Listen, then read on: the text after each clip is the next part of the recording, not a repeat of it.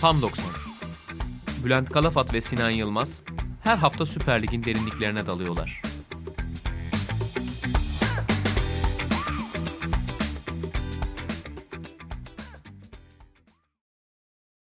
Sokrates Podcast'ten hepinize merhabalar.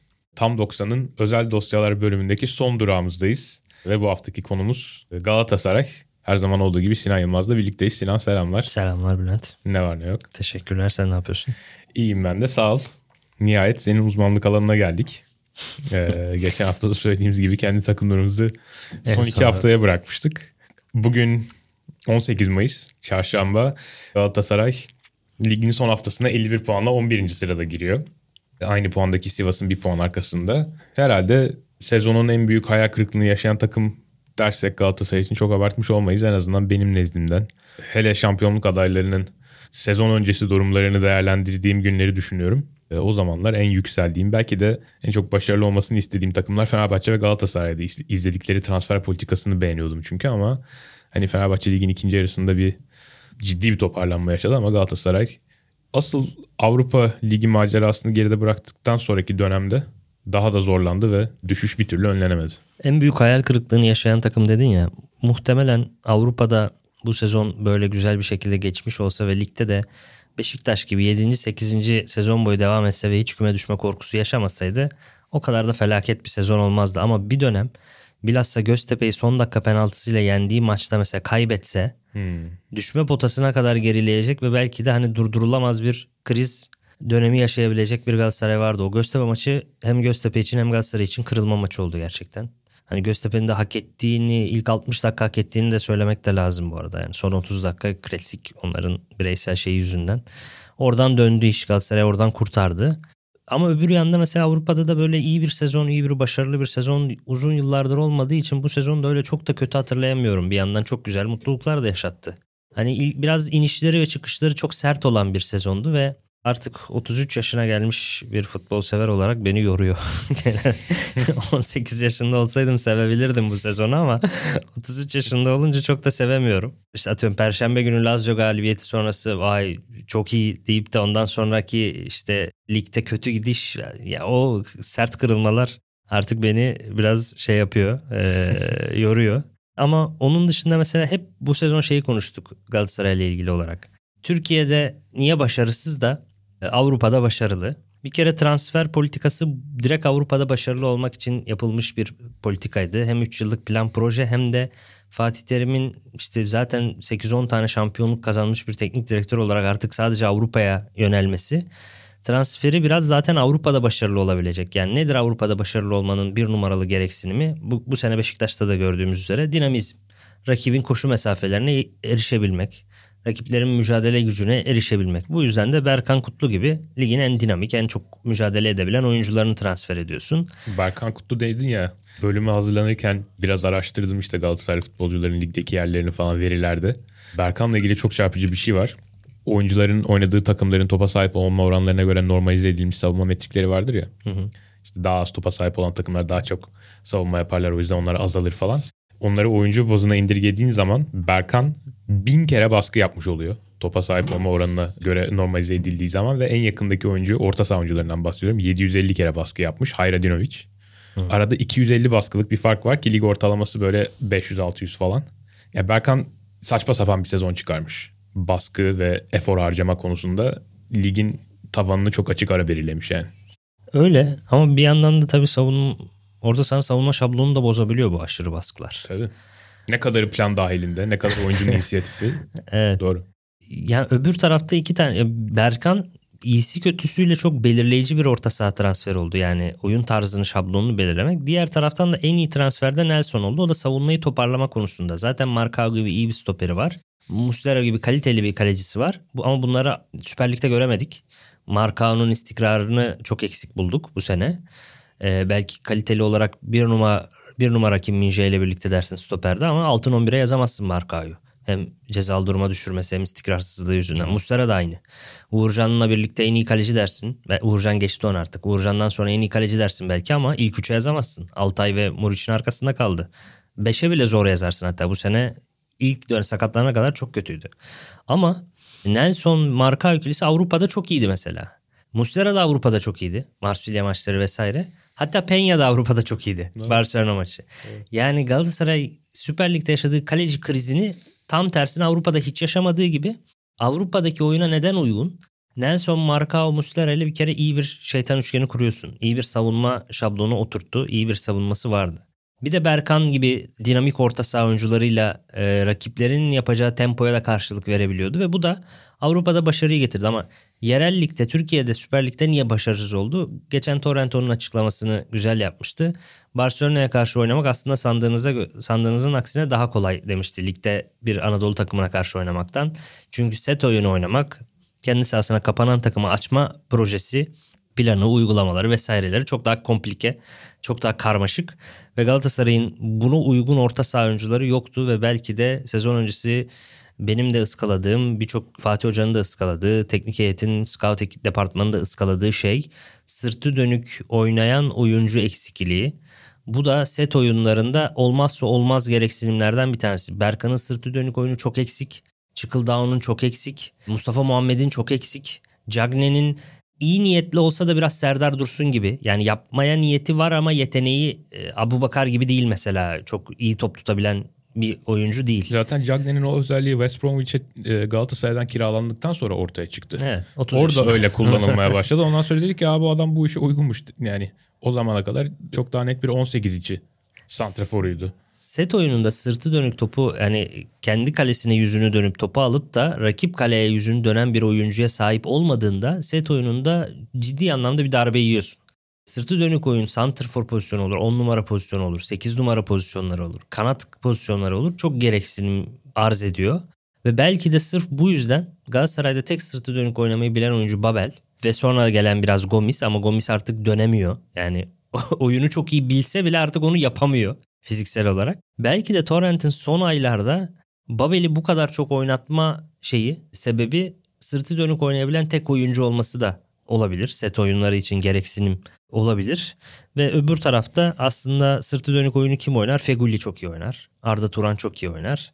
Bunu da hep söylüyordum. Hem Fenerbahçe'nin hem Galatasaray'ın en büyük problemi bu diyordum. En yüksek maaş verdiği, en büyük beklenti içinde olduğu büyük yıldızların hiçbir alt yapmaması. De Beşiktaş da aynı. Mesut Özil, doğru Beşiktaş'ta aynı. Piyaniç'te Teixeira'dan bahsediyoruz tabii. Mesut Özil, Feguli, Sosa, Arda Turan, Luis Gustavo, Pjanic. En yüksek para verdiğin ama ortalıkta hiç olmayan oyuncular başarısızlığı getiriyor ve, ve bu sefer de kime bağırıyorsun? Berkan'a bağırıyorsun. Niye yapamadın? İşte Feguli yapamadığı için Berkan yapamıyor veya Can'a bağırıyorsun. Veya Fenerbahçe'de e, Mert Hakan'dır. İşte Doğru. e, günah keçisi bol bol bulunabiliyor. Doğru ki hani Galatasaray'ın bulunduğu durum şuydu Kasım ayı bittiğinde. Avrupa Ligi grubundan çıkmayı garantilemiş. Son maça liderlik için çıkacak bir takım. Ligde de Fenerbahçe'nin 2 Konyaspor'un 4 puan gerisinde sadece. Ama Ocak sonu geldiğinde aradan yalnızca 2 ay geçtiğinde düşme hattının 3 puan üstüne gerilemişti. Ve bugün bulunduğu durumda işte en son 40 yıl önce tekrarlanmış bir durum. Ligde 11. lig. Bu bakımdan biraz Beşiktaş'a benziyor Galatasaray'ın bu sezonu. İkisi de sezonun ilk yarısının farklı dönemlerinde böyle bir umut zirveleri yaşadılar işte. Beşiktaş bölümünde konuşmuştuk ya Dortmund'a makul skorla yenil. Kamuoyunun beğenisini kazansın futbolun. Ha işte ilk 20 dakika Beşiktaş bastırdı etti falan. Sonra git Antalya'da 2-0'dan 3-2'ye dön. Bir yüksel sonra çök. Galatasaray'da da benzer bir şey yaşandı. Galatasaray da o, o dalgayı çok daha uzun sürdürdü Avrupa gruplarında. Ki ondan sonra da bende artık Mart'a kadar Avrupa maçları yok. Bu ekibi lige konsantre etmek de sonuca gidecek bir futbolu inşa etmek şimdi daha kolay olur falan diye düşünüyordum ama. Ben de aynısını söylemiştim Ee, de çok, herhalde. Çok fena. yayınlarda. Hem Galatasaray ters çakıldı hem de benim e, öngörülerim. Evet. Beşiktaş da bu arada çok toparlayamadı. Yani onlar da Avrupa'dan erken elendi. Onların da tek haftalık tek fikstürde yükselmesini beklersin. Onlar da pek yükselemedi yani. Katılıyorum ben de aynı yanılgıya düştüm. Ben de aynı yorumu yapmıştım. Galatasaray artık Avrupa'da lider çıktı. Mart'a kadar boş artık toparlar, ligde de toparlar derken aksine tam tersi bir şekilde haftada bire indikten sonra çakıldı. Ama bu kötü gidişi geçen günlerde Kerem Aktürkoğlu'nun yaptığı röportajda aslında söylediği bir cümle var. Çok da güzel özetlemişti. Özgüvenlerimizi çok kaybettik. Özgüvenlerimizi kaybedince de performanslarımız çok düştü dedi. Burada iki isim ayrılıyor. Özgüvenini kaybetmeyen bir Kerem Aktürkoğlu. Aslında o kaybetmedi yani. Kendi kaybettik dedi ama kendisi kaybetmemişti. Doğru. O açıdan çok sağlam bir karakter koydu ortaya. Bir de Victor Nelson var. Doğru. İkisi dışında da ciddi anlamda yeni gelenlerden. Belki Patrick Van Aanholt'u da sayabiliriz. Tabii orada. o tecrübelileri katmıyorum. Yeni gelen genç oyuncular. Eyvallah. Da hiç hiç etkilenmedi hatta belki de. Ama mesela Morutsan, Çıkıldao, Halil Dervişoğlu, Taylan Antalyalı ve Berkan Kutlu gibi son derecede süre alan iskelette bulunan parçalar Kasım'dan sonra çok fena kırıldılar. Şimdi mesela bu şöyle bir durum yaratıyor. Mesela Çıkıldao'yu ben Galatasaray'ın yaptığı transferlerden Fananol hariç hepsini beğenmiştim yaz döneminde. Ve yaptığımız analizlerde de işte insanlar şimdi şey diyor ya bu Çıkıldao'yu övdün falan. Yani övdüğüm kadar yerdiğim kısımlar da vardı. Mesela fizik kalitesinin düşük olduğunu ve o yüzden aslında bu bonservisin biraz fazla olabileceğini ve bu bonservisin üzerine satmanın biraz zor olabileceğini. Çünkü fizik hiçbir zaman 24-25'ten sonra çok gelişmez. Çıkıldao da düşük fizikli bir oyuncu. Biraz o yüzden potansiyeli biraz düşük olabilir demiştim. Yani eksik bulduğum ve söylediğim yerler de olmuştu ama çok iyi bulduğum yerleri de olmuştu. Mesela çok olgun bir oyuncu, soğukkanlı bir oyuncu, çok az hata yapıyor, çok az top kaybı yapıyor gibi. Ve Romanya'da böyleydi hakikaten. Ve aslında Kasım ayına kadar sana 5 tane maç sayarım. İşte mesela Kasımpaşa deplasmanı başlangıç, Trabzon deplasmanı, içeride Lazio maçı, içeride Marsilya maçı iki tane gol atmıştı galiba. hatta. Beşiktaş deplasmanında da Beşiktaş deplasmanı orada da gol atmıştı. 5 tane maç.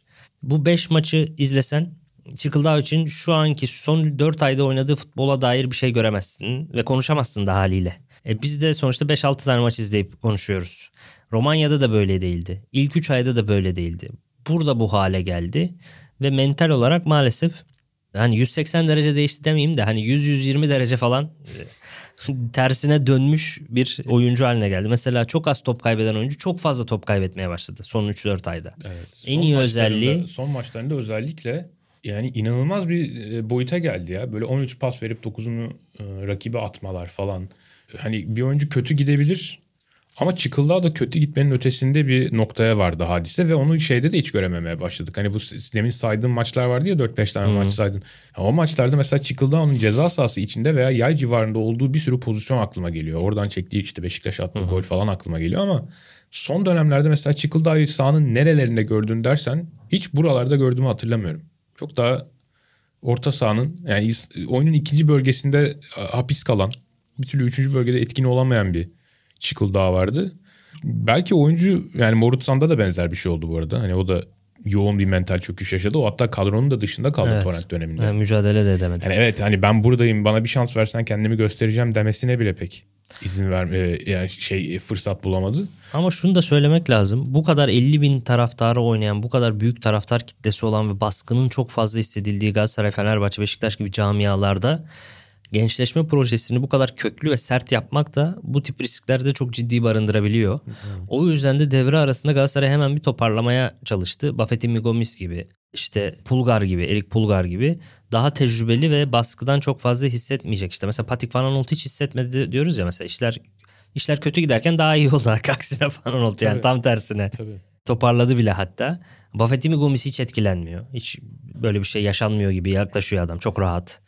Ama işte çok fazla genç oyuncu var senin ilk 11'inde süre verdiğin ve onların çoğu da çok büyük etkilendi. Belki geçişi, bu gençleşme geçişini belki biraz daha yavaş yapmak Galatasaray'ı belki biraz daha rahatlatabilirdi bu sezon. Yani bu sert kırılmaları ve biraz acı çekmeyi biraz hızlı davranmaya da bağlayabiliriz.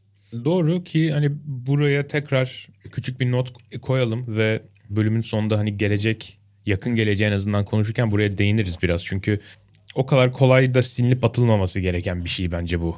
Ve uzun yıllar geleceğe yatırım yapmak yerine hazırı tüketmeye alışmış takımların bir anda bu refleks edinmesini beklememek lazımdı zaten. Belki bu kadar ağır bir başarısızlık tabii ki ekstrem ama Doğru. bir bocalama mutlaka olacaktı ve ola- olmaya da devam edecek. Takımlarımız henüz bu zihniyete yeni yeni alışıyorlar. Buraya bir not ekleyelim. Ama e, şimdi biraz Domenech Torrent'e yer ayıralım. Gerçi ne kadar daha Galatasaray'ın teknik direktörü olacağını da bilmiyoruz. Fakat yani Barcelona eşleşmesinde takımın başındaydı ve ikinci yarının neredeyse tamamında Galatasaray'ın teknik direktörüydü. Hani geçmişine yer veren pek çok program yapıldı. Hani bunlardan e, eminim sen de yaptın. O yüzden çok detaya girmemek lazım bence burada. Çok uzar yoksa ama işte iki yerel Katalan takımının teknik direktörü olarak başlıyor kariyerini. Ardından Girona teknik direktörü oluyor ve 2007'de Pep Guardiola'nın ekibine katılıyor. Önce birlikte B takımını çalıştırıyorlar Barcelona'da.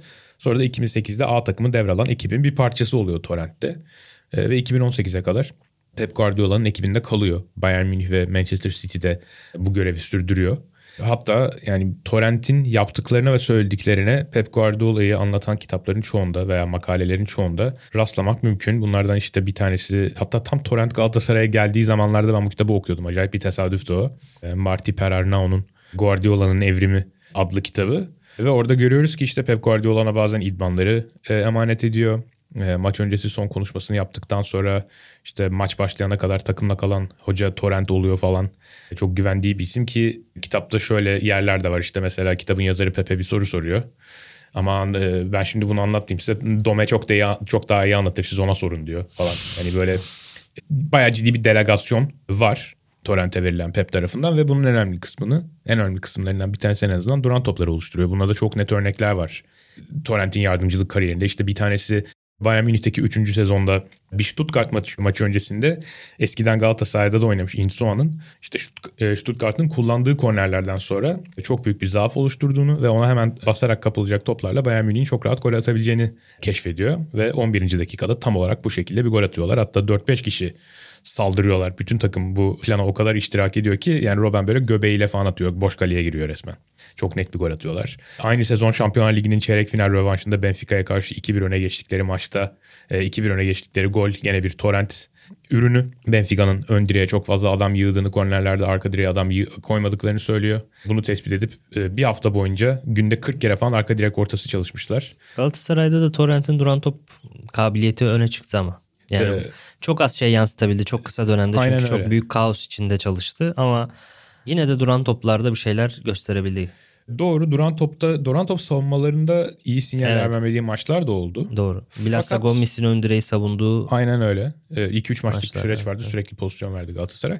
Ama çoğunluğunda ben geleceğe artı olarak kalacak daha fazla şey gördüm. En azından öyle geliyor bana ki ilk 5-6 haftasında Torrent'in bütün duran toplarını oturup tek tek izliyordum ve şeye çok dikkat ediyorum. Yani başarısız ortalardan sonra top Galatasaray'da kalıyor mu? Hı-hı. Ve rakibin baş, başarısız ortalarından sonra Galatasaray topu rakibe bırakıyor mu yoksa alıyor mu? Ki işte mesela Halil'in bu şekilde başlattığı çok iyi bir atak vardı sanırım Göztepe maçıydı. Ya hayır Trabzonspor maçıydı. İstanbul'da oynanan Trabzon maçında falan. Bunları görüyorduk Trabzonspor'da da ama bunların hiçbirinin tesadüf olmadığını Torrent'in kariyerini biraz araştırınca görebiliyoruz. Daha sonra da teknik direktörlük kariyeri var. Tekrar yardımcılıktan tekrar bir teknik direktörlüğe dönüyor. İşte burada da New York City ve Flamengo maceraları var. New York City biraz enteresan. 2018'de MLS sezonunun ortasında Haziran ayında New York City'yi devralıyor. İşte 19 maçta 8 galibiyet alıp playoff potasında kalmayı başarıyorlar. Playoff'ta çeyrek finalde Atalanta'ya yeniliyorlar. iki maçta da ve eleniyorlar ve daha sonra bir gazeteciye verdiği röportajda ona küfür de içeren bir yanıt veriyor. Yani niye o oyna, oynatmadığı oyuncuları niye oynatmadığını soruyor. Torrent de diyor ki işte şunu oynatmıyorum onu soruyorsun. Bunu oynatmıyorum bunu soruyorsun. Şunu oynatmıyorum şunu soruyorsun. Türkiye'de de aynısını yaşıyor. Türkiye'de de en çok buna sinirlenip sürekli bu cevabı veriyor. Doğru. ee, ve en sonunda yani sen tam bir lanet olası felaketsin falan tarzı bir e, o, Amerikanca çeviri yaptın. Yani evet daha doğrusu. Hollywood yani, çevirisi yaptın tebrik Onlar ederim. tabii fucking disaster diye çevirmişler bütün makalelerde. Hı hı. E, İspanyolcasında da işte fucking'e daha yakın bir küfür kullandığını görmek mümkün ama hani orada belki ilk sinyalleri almak gerekiyordu. Hani hocanın basınla ilişkileri nasıl olabilir falan diye ki hani ben de torrent ilk geldiği zaman işte cuma vertisi yaptığım zaman bu röportaja biraz atıfta bulunmuştum. Yani düğmelerine basılırsa sert çıkabilir. Ya bana çok basınla problem yaşadığı gibi gelmiyor ya. Bana da gelmiyor ama nedeninde de şimdi geleceğim. Ama sadece işte sonraki Flamengo döneminde de bir değinmek lazım. Orada da Jorge Jesus'un inanılmaz takımını devralıyor. Yani adamların kazanmadığı kupa kalmamış. Evet. Libertadores'ler, Lig Kupası, Copa Sudamericanalar şunlar bunlar.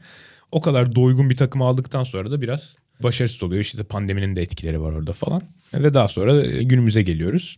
Neden Torrent'in Türk basınını daha iyi tanıdığı ve daha o o güruhtan gelecek soruları ve yorumları neden daha rahat göğüsleyebileceği konusunda sana şu bakımdan katılıyorum abi. İsmail ve Torrent'i düşünelim. Valerian İsmail ve Torrent'i. Aslında ikisinin de çok sıkı bağlı kaldıkları felsefeler var. İkisinin de inandıkları ve belli ki vazgeçmeyeceği çok net teknik direktörlük doneleri var ama Torrent'te şunu görüyoruz abi. Yaş ve tecrübe kaynaklı tabii 12 yaş daha büyük Torrent şeyden, Valerian İsmail'den. Şimdi Torrent buraya geldi ve 3-4 haftada bence bu ülkeyi çözdü. Çok büyük ölçüde çözdü yani. Ve bazı şeylerin olmayacağını anladı bence. Yani bazı şeylerin ideale yakın olmadığını, Türkiye'de bazı pragmatist şeylerin, pragmatist yaklaşımların çok gerekli olabileceğini gördü bence ki Bunu Galatasaray üzerindeki deneylerinden de biraz okuyabiliriz. İşte Aytaç Karadan stoper yapmayı, Patrick Van Aanholt'tan iç yapmayı falan birer kere denedikten sonra hemen bıraktı ve Taylan Berkanlı orta İç sahaya derken döndü. orta saha merkezi yani. Evet. Hı hı. Ama İsmail'de mesela hala bir şey görüyoruz. İşte görüyorsun Göztepe maçından 2-0 kazandığı maçtan sonra bile İsmail diyor ki işte böyle olmaz. Disiplin lazım işte böyle sakatlık olmaz bilmem ne falan. Hala o çok yüksek standartlara işaret ediyor. Hala bir umudu var bence. Ya da hala anlamadı. Türkiye'de bunların olmayacağını ya da bunları bu kadar kısa sürede sağlamanın çok zor olduğunu henüz anlamamış gibi gözüküyor. Savaş Torrent- açıyor aslında biraz duruma ya. Evet Belki ki ben kazanır. de zaten o yüzden çok ısınıyorum kendisine. Empati kurabiliyorum en azından.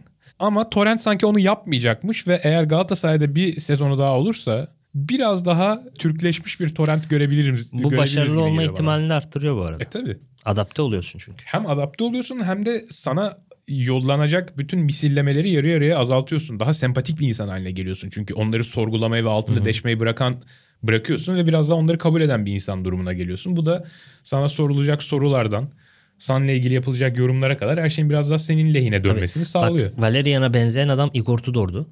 Şu Evet. an Serie A'da çok iyi işler yapıyor ve basın toplantısında kavga ediyordu. Baya yani e, hiç kimsede yükselmeyen sesler yükseldi Tudor'da ve Valerian İsmail'e tarz olarak da çok benzer, fizik olarak da çok benzer herifler. Torrent'e öyle yaklaşmıyor gerçekten. Daha kabul ediyor bazı durumları. O yüzden de çok fazla sesler de yükselmedi. Tabii hani onların geleceğe ne kadar, gelecek adına ne kadar önemli olduğunu şu anda kestirmek neredeyse imkansız Galatasaray'ın iç dünyası tam bir çorba çünkü. Ama Torrent'in Galatasaray'da bıraktığı izlere gelene kadar bir sezonun geneline bakmak lazım. Hani nasıl bir takım devraldı ve bunu nereden nereye getirdi ya da getiremedi. Ve yani Fatih Terim dönemiyle e, sezon başlangıcına bir baktığın zaman aslında sezonun gidişatının çok da iyi olmayacağını işaret eden pek çok sinyal görmek mümkün şimdi geriye dönüp bakınca. Bazıları o zaman da çok barizdi. Yani bir tanesi santrafor olarak sadece e, net bir alternatif olarak Falcao ile sezona başlanması ve daha sonra onun yollanması. Tabii sonradan oyuna girdiği Avrupa maçı falan var. Ren- Renders maçında yani e, Falcao falan oyuna giriyordu yani. Bayağı Ligin e, ilk iki maçı yedek ilk 11'de değil kadrosu. Falcao? Giresun Olabilir. Falan ilk 11'deydi diye hatırlıyorum ben sanki. bilemedim. Cagney'di ya. Cagney. Cagney 11'di. Ya Cagney hatta penaltı kaçırmıştı sonra. ve devre arası Cagney de gitti bu arada. Evet. Ve transfer edilen oyuncular belki işte senin de az önce değindiğin gibi belki biraz olduğundan fazla iyi değerlendirilmiş olabilir. Beklenti yükselten Bek- Morutsa'nın tipi adam çok var. Yani adam 50 metreden de atabiliyor ama çok fazla top da kaybediyor gibi. Ham yani olmamış oyuncu biraz fazla transfer. Berkan da öyle. Doğru ki birbiri arasında seviye farkı olan ülkelerde oyuncuların hani gol ve asist toplamlarının yeni gittikleri ülkeye tam olarak denk gelmediğini hani pek çok model bize söylüyor. Hatta Almanya ile İngiltere arasında bile çok net bir fark var. İşte Haaland'ın City'de neler yapabileceğini konuşanlar. E, genellikle hani bunu biraz sayısal bir şekilde analiz ettikleri zaman hep şunu söylüyorlar. İşte bakın Kai Havertz'e bakın Timo Werner'e falan bunlar. liglerindeki bütün metrikleri alt üst ederek geldiler İngiltere'ye. Ama İngiltere'de beklerinin çok altında kaldılar gibi. Yani Romanya ile Türkiye arasında da böyle bir farktan belki biraz bahsedebiliriz. %100. Onun dışında işte Eindhoven maçı daha sezonun başında 5 gollük bir mağlubiyet çok ağır oldu. Oradaki moral bozuntusu bence biraz uzun sürdü. Daha çabuk silkelenebilirdi o. Ama o silkelenemeden Markao Kerem kavgası geldi. Evet. Çok travmatik Tam bir başlangıç. silkeleniyorken aslında Avrupa elemelerini geçti takım galibiyetle başladı sezona falan. Aynen öyle. Tam öyleyken kavga çıktı. Çok çok kötü bir zamanlama gerçekten. Üstüne işte e, boya sakatlığı. Sağ bekte alternatifsiz kalıyorsun. Çünkü Tabii sakatlarına kadar. sakat şey değil. Hazır değil. Bir de henüz. boy sakatlarına kadar mükemmeldi. Evet Müthiş sezona çok iyi girmiş. girmişti. Müthiş girmiş. Sezona çok iyi girmişti hakikaten. Üzerine işte Sivas deplasmanında Luyendama ile çarpışan Muslera'nın sakatlığı.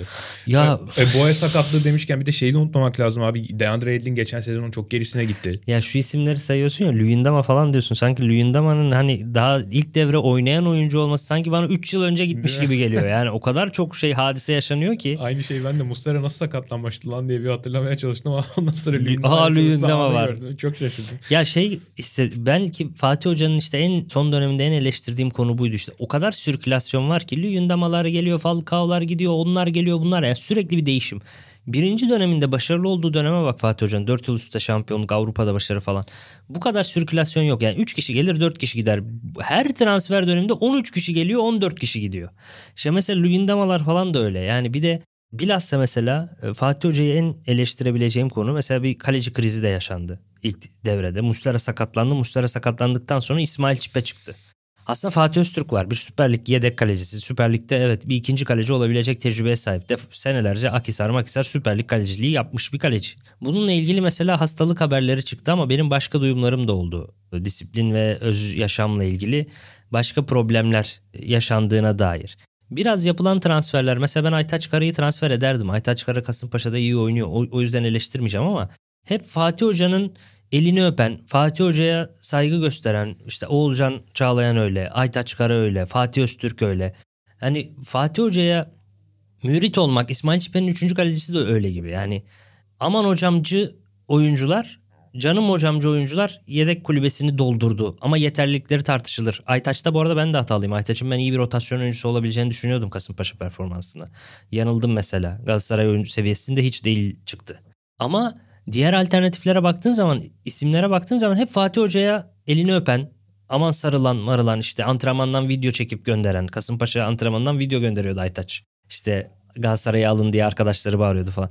Ya böyle isimler. İsmail Çipe'nin Galatasaray'da yedek kaleci olabilme ihtimali Fatih Terim dışında bir teknik direktörün varlığında yok zaten yani. Öyle bir şey olamaz yani. Bodyguardlık yapıyor. Altyapıdan çıktı. işte takıma abilik yapıyor vesaire modelinden. Hadi üçüncü, dördüncü kaleci yapıyorsun ama işte Fatih Öztürk de öz disiplini olmadığı için bence yedek kaleciliği unutuyor. Antrenmanlarda bir var bir yok. Fatih Öztürk nerede belli değil. İkinci kaleci aslında. O konuda gönderiyorsun ve e, Peña'yı şey yapana kadar transfer edene kadar ki bence o da çok şanslı bir dönem geçirdi. Peña Galatasaray'a gelmeden önce çok felaket goller yiyen bir kaleci. Hmm. Galatasaray'da çok iyi bir dönem geçirdi. Büyük bir kaleci problemi de yaşandı. Yani bu dibe vuruşta Ocak sonu itibariyle Kasım'dan Ocak'a kadar dibe vuruşta İsmail Çipe var zaten. Doğru. Türkiye Kupası'ndan İsmail Çipe sayesinde eğleniyorsun. Her çeşit gol yiyor. Ya orada biraz disiplinle ilgili de bir problem oldu Galatasaray'da. Ee, hem bu dediğin aslında biraz radar altında kalan bir argüman. Pek dillendirilmedi aslında bu dönemi konuşurken pek çokları tarafından. Bir diğer detayda bunda geçen e, bunda dün aslında rastladım. Bir yani yabancı basında bakalım Galatasaray'la ilgili çıkmış falan diye araş şöyle bir aradım. Atletik'te Nick Miller e, Mart ayında bir makale kaleme almış ki Nick Miller yaklaşık bir ay önce de 2-3 hafta önce de Fatih Terim'le ilgili bir makale yayınlamıştı Atletik'te. Türkiye'de bayağı popüler olmuştu o. Hı hı. Diyor ki makalede hani belki de bu kötü sonuçların alındığı süreçte takımın fitness seviyesi de sorgulanan bir şey, sorgulanması gereken bir şey diyor ve bazı oyuncular kulüp yöneticilerine yani kulüp hiyerarşisine ulaşarak onlarla irtibata geçerek e, yapılan idmanların yetersiz olduğunu bildirmişler. Böyle bir iddia var. Hı. Ve takımın Fatih Terim yönetiminde yeterince savaşmadığını iddia eden bir oyuncu grubu varmış takımın içinde. Bunun Türk basında hiç yer almayıp da atletikte yazılıyor olması... Bu da bizim işte aynen bu da bizim spor basınımız adına çok büyük bir utançtır bence. Çünkü bunu bir İngiliz gazeteci araştırıp buluyorsa Türkiye'de hani kulüple yatıp kalkan muhabirler ve hani şeylerin yazarların yorumcuların defa defa korkuyor olabilir. Gündeme getirmiş olmaları gerekiyordu ki genellikle böyle kulüplerde e, hani bu tarz şok edici olan haberlerin şeyi de çok fazladır. E, satış değeri de çok fazladır. Okutur yani. Hı hı. Tık alır veya tabii, gazete tabii. sattırır veya her neyse sitede durdur e, kaldırtır Mutlaka. insanları. Böyle bir haberin dediğin gibi yerel basında ben hiç, sen hiç böyle bir şey okudun mu? Sen Galatasaray basını çok daha yakından takip ediyorsun. Galatasaray'dan yakın e, tanıdığın çok daha fazla insan var. Sana hiç böyle bir şey söyleyen oldu mu? Yok yani hatırlayamadım şimdi. Enteresan bir şey bu bilgiydi veya e, enteresan bir iddiaydı diyeyim. Onun dışında yani oyuncu bazlı ve sakatlık bazlı pek çok eksiği saydık. Ama hani bir de oyun bazında da bayağı ciddi sorunlar vardı. İşte takım bir türlü geriden oyun kurmayı çözemedi. Hatta geriden oyun kurma sekansları sırasında yediği pozisyonlar bayağı olay olmaya başladı. İşte sırtı dönük muslardan pas alan oyuncuların tedirginliği vesaire. Bunun üzerine bir de bitirme sorunu eklendi. Galatasaray Lig'in ilk yarısında açık ara gol beklentisinin altında kalan takımdı. Ya dört tane farklı santrforla dört dönem geçirdi. Penaltı kaçırmalar Muhammed, falan bayağı bir şey oldu. Halil Dervişoğlu. Tabii Hatay mesela. Hatay deplasmanında Torrent ile Galatasaray ilk maçı çok iyi başladı. Fanonot penaltıyı kaçırdı. Doğru. Ve belki de beni en rahatsız edeni bütün bu süreçte yani Fatih Terim sürecinde oyuncuların artık bu Kasım Aralık döneminde açık açık denebilecek şekilde eleştirilmeye başlanmasıydı teknik ekip tarafından. Bunu Fatih Terim de yaptı. Cezalı olduğu süreçte takımı devralan ve kulübede takımın başında oturan Selçuk İnan da yaptı. Evet. Ve eğer Kerem Aktürkoğlu'nun bahsettiği o özgüven erozyonunun altında hani bir sebep aranıyorsa en temel sebeplerden bir tanesi olarak bence buraya bakmak lazım. Çünkü sen idmanda oyuncuna kızarsın, söversin, ne yaparsan yaparsın o içeride kalır, aile içinde kalır. Onu kimse görmez etmez. Ee, Geliştiremezsek değiştireceğiz demişti Selçuk İnan. Direkt göndereceğiz demek oluyor bu. Aynen öyle. Ve- Ama sen bunu basının önünde yaparsan ve onlar daha 22-23 yaşında zaten bütün kamuoyunun bu adamlar kim bu adamlar çöp Galatasaray böyle adam transfer etmez dediği 2-3 tane oyuncudan bahsediyor işte Nelson şey Morutsan Çıkıldağ falan. Ya bir de bu adamları böyle bir topun altına attığınız zaman böyle bir yükün altına attığınız zaman oradan sonra performans beklemek de biraz gerçekçilikten uzak yani. İki tane benzer açıklama var. Bir Mustafa Denizli bunları budarız gerekirse bu şeyleri dedi. Ağaçtaki çarpık dalları budarız dedi. Mustafa Denizli gitti birkaç aya. Selçuk İnan da bu açıklamayı yaptıktan sonra birkaç aya ekip olarak gitmek durumunda kaldılar. Çok zor bir şey çünkü. Bir de mesela dedin ya antrenmanların kalitesinin yetersiz olduğuna dair de atletik yazarının şeyi vardı, haberi vardı.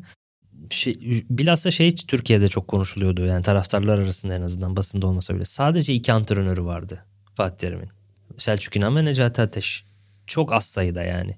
Yani millet ordu gibi geziyor. Hani bu bu arada sadece Avrupa'da değil yani. Ersun Yanal'ın da 10 tane falan var diye biliyorum ben. Abdullah Avcı'nın falan da öyle. Ya zaten yani, Galatasaray gibi bir takım yönetirken yalnızca iki yardımcıyla nasıl yapacaksın abi?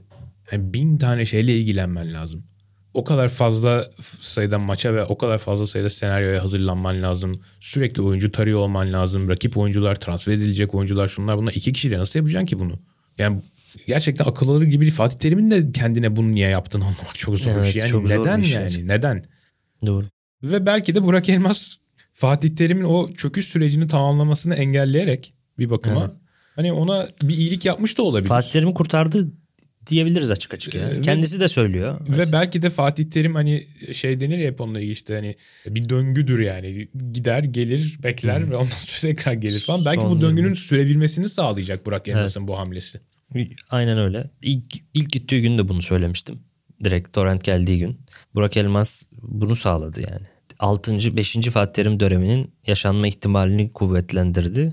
Ve bir yandan Torrent'in de başlamadan kaybetmesine sebep olabilecek bir zamanlamayla bunu yaptı. Hem Torrent'e en büyük zararı veren hem de Fatih Terim'i aslında kurtaran isim Burak Elmas oldu gibi. E bir de çelişkili açıklamalar yaptılar. İşte yok Torrent'le görüşmedik dediler. Ondan sonra yok Tabii. görüştük dediler bilmem ne falan.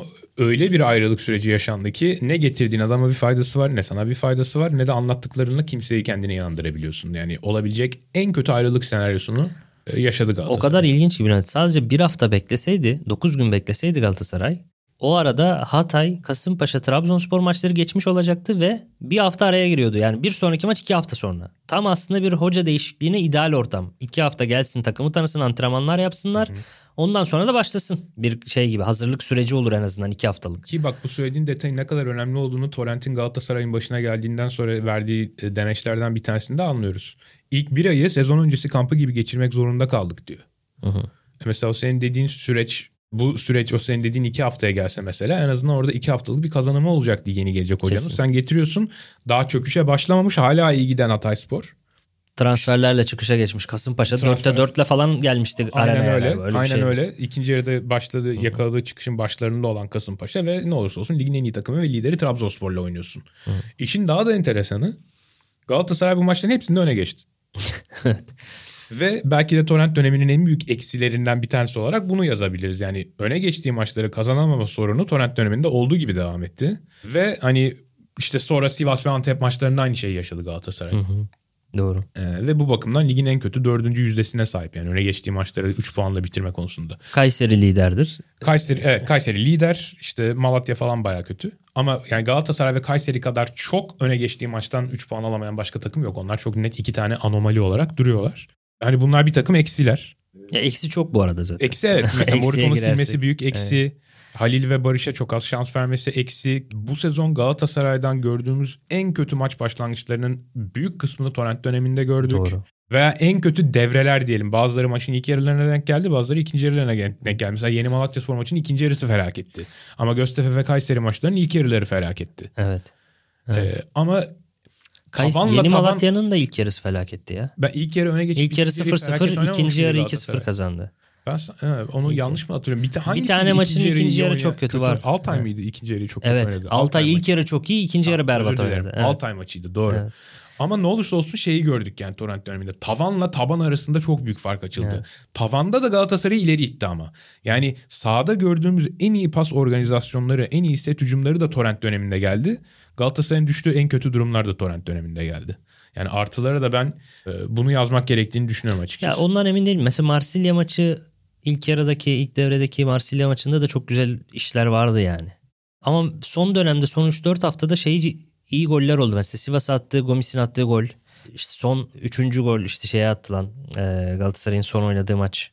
E, bu hafta oynadığı maç. Kiminle oynamıştı Galatasaray? Adana Demirspor. Adana Demirspor'a atılan 3. gol. Offside gerekçesiyle sayılmayan 4. gol.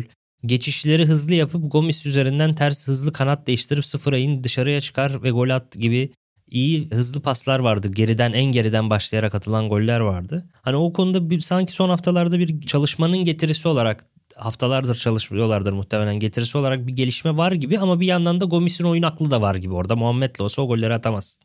Hızlı bir şekilde al terse dön tekrar kendini stoperden kurtar tek vuruşla bitir falan onlar biraz santrfor kalitesi işi. Yani Muhammed de bilmiyorum atamazsın dedim ama hani bu konularda bayağı eksik diyeyim ya da. Fananolt'u biraz değerlendirmek lazım. Torrent'le birlikte en gelişen futbolcu oldu. Evet. Ama Fananolt aslında biraz tam da o oyunun oyuncusu. Torrent'te Fatih Terim'le arasındaki en büyük fark olarak açıklarken oyun şablonunu açıklamıştı. Ben de hep bundan bahsediyordum. Fatih Terim'in hiç değiştirmediği 25-26 yıldır UEFA Kupası'nı alırken de aynı şeyi yapıyordu. Bekleri 70 metrede oynatıyor. ileri geri oynatıyor ve bekleri sürekli sağ kanat gibi, sol kanat gibi öne çıkarıp kanat oyuncularını da içeri sokuyor. Bu belki biraz Kerem'in daha fazla gol atmasını da sağladı bu arada. Fananolt'un sürekli onu ittirmesi ve çizgiden sıfıra kadar koşturup Kerem'i de forvetleştirmesi Kerem'i de geliştiren bir faktör de olabilir. Böyle bir oyun anlayışı var Fatih Hoca'nın. Hiç değiştirmedi bunu ama son 10 yılda Pep Guardiola'dan esinlenen birçok teknik adam bekleri kanatlaştırmaktansa içleştirme formülüne döndü ve şu ara çok daha fazla tutan ve çok daha fazla tercih edilen bir model ki Trabzonspor'da Türkiye'nin şampiyonu Trabzonspor'da Abdullah Avcı da senelerdir bunu yapıyor. Başakşehir'de de Beşiktaş'ta da Trabzonspor'da da yaptı. Patrick Van da baskıda paniklemeyerek ayağının temiz olması sayesinde iyi bir oyun kurucu olması sayesinde iç oynamaya daha yatkın ve aksine final işleri bitiremediğinde de aslında kanatlaşmaya yatkın değil. Mesela Galatasaray'ın ilk devrede iki tane maçı var. Bir Fenerbahçe'de son dakika golüyle kaybetti. Bir de hemen onun ardından oynadığı Yeni Malatya maçı. Bu maçlarda ard arda Fananolt hemen yan tarafındaki adama düz pası atabilse Galatasaray'ın iki galibiyet alacağı iki haftadan sadece bir puan aldı. Orada beş puan fazla almış olsa Galatasaray zaten kafaya giriyor.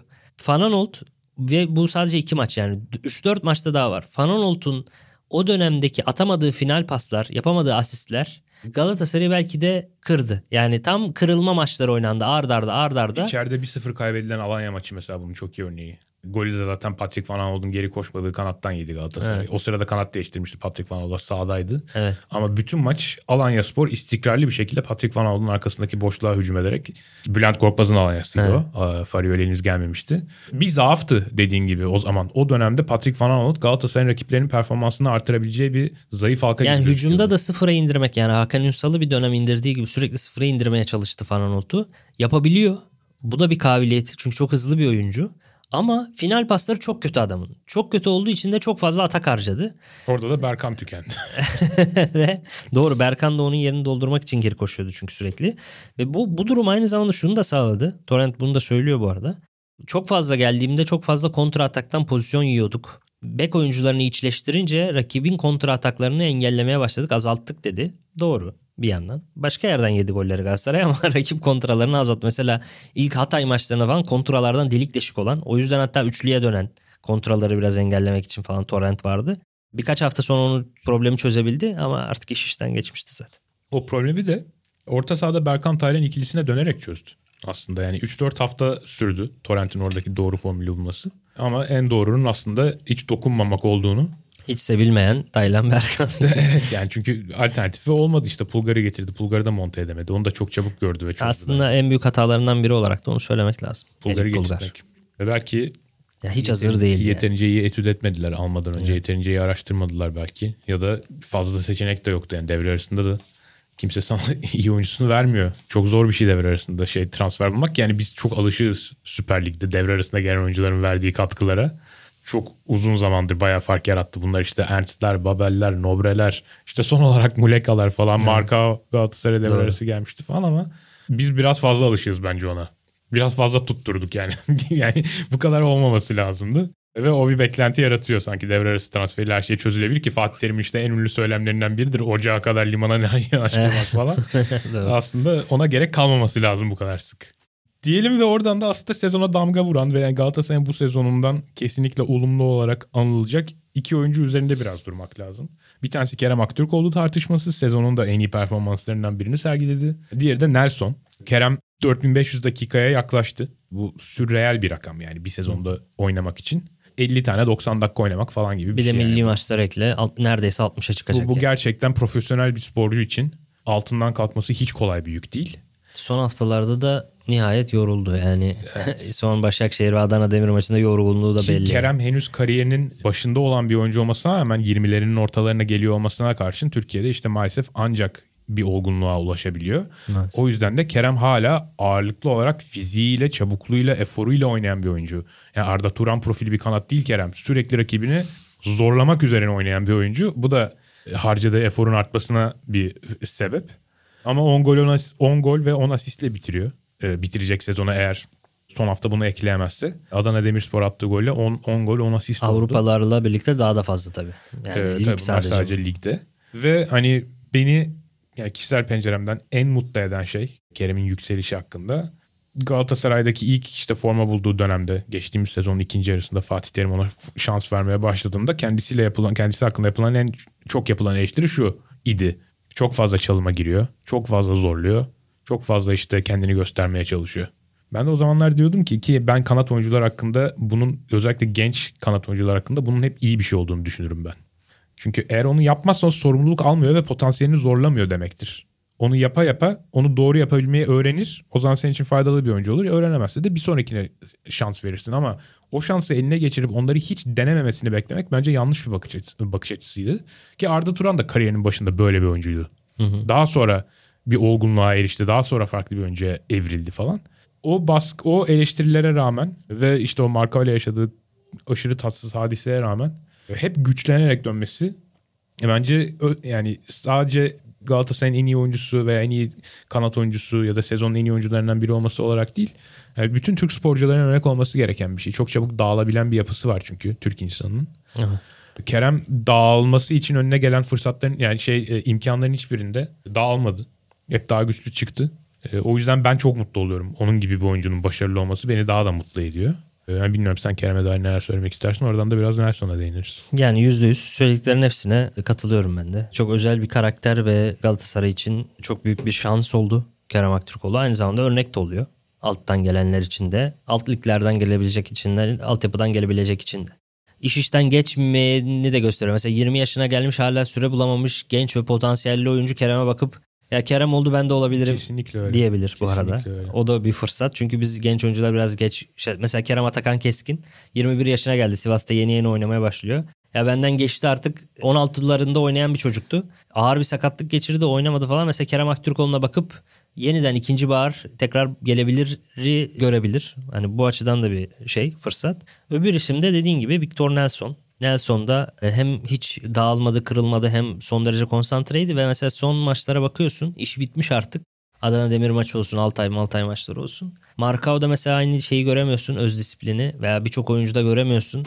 Ama mesela Nelson'da yine pür dikkat, yine %100 konsantrasyon. Sürekli gollük pasları kesiyor, kornere atıyor şu bu. Ve bu taraftar da ödüllendiriyor bunu. Sürekli Nelson ismini bağırıyorlar haklı olarak. Güzel bir karakter Galatasaray için. Tam bir kaptan karakteri aynı zamanda bu.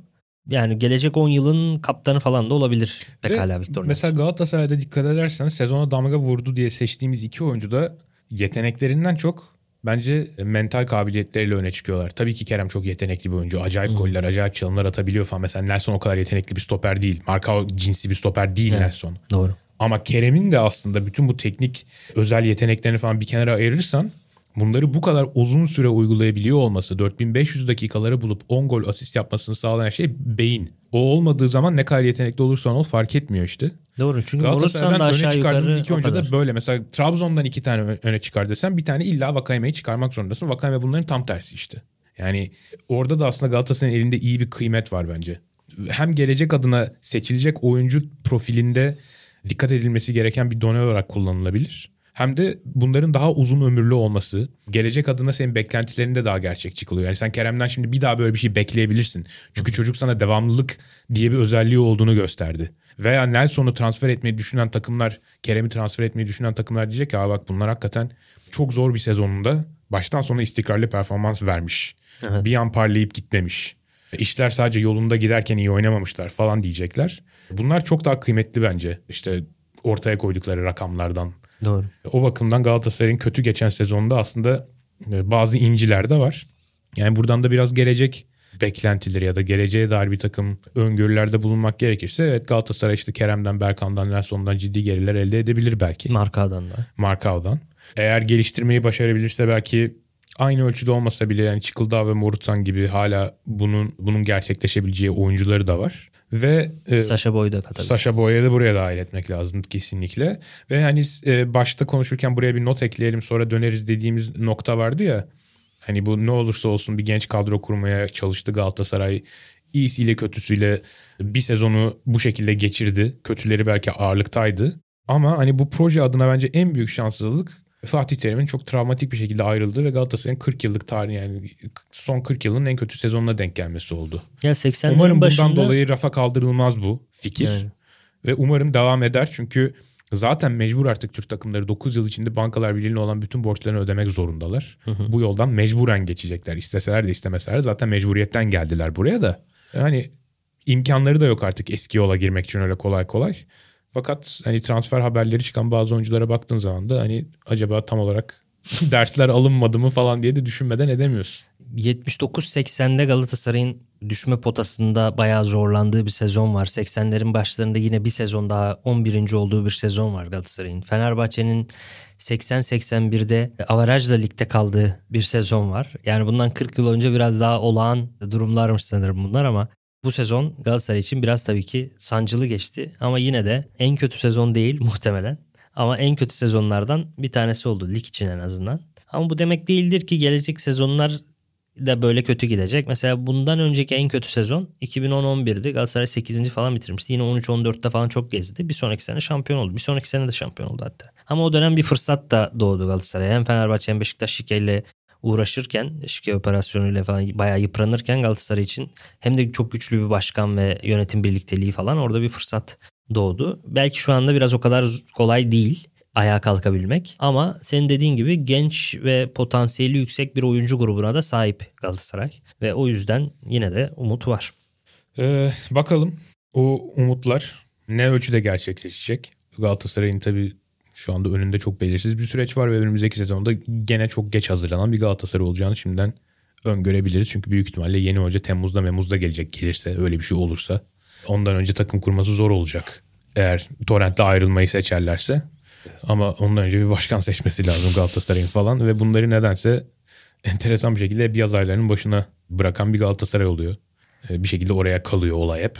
Ve sezona bir türlü hazırlanamıyor Galatasaray. Ve bakalım önümüzdeki sezon onun için nasıl geçecek. Ve bu şekilde biz de Süper Lig takımlarına ayırdığımız klasörleri kapatmış oluyoruz. Bütün takımlara değindik. Ee, Bölümün de sonuna geldik. Ee, Ağzına sağlık Sinan. Senin de gelecek hafta da altın 11'ler ve bir sonraki haftada Süper Lig'e çıkan takımlarla son iki bu sezonluk son iki şeyimiz podcast'imiz kaldı diye. Aynen öyle iki bölümümüz daha olacak.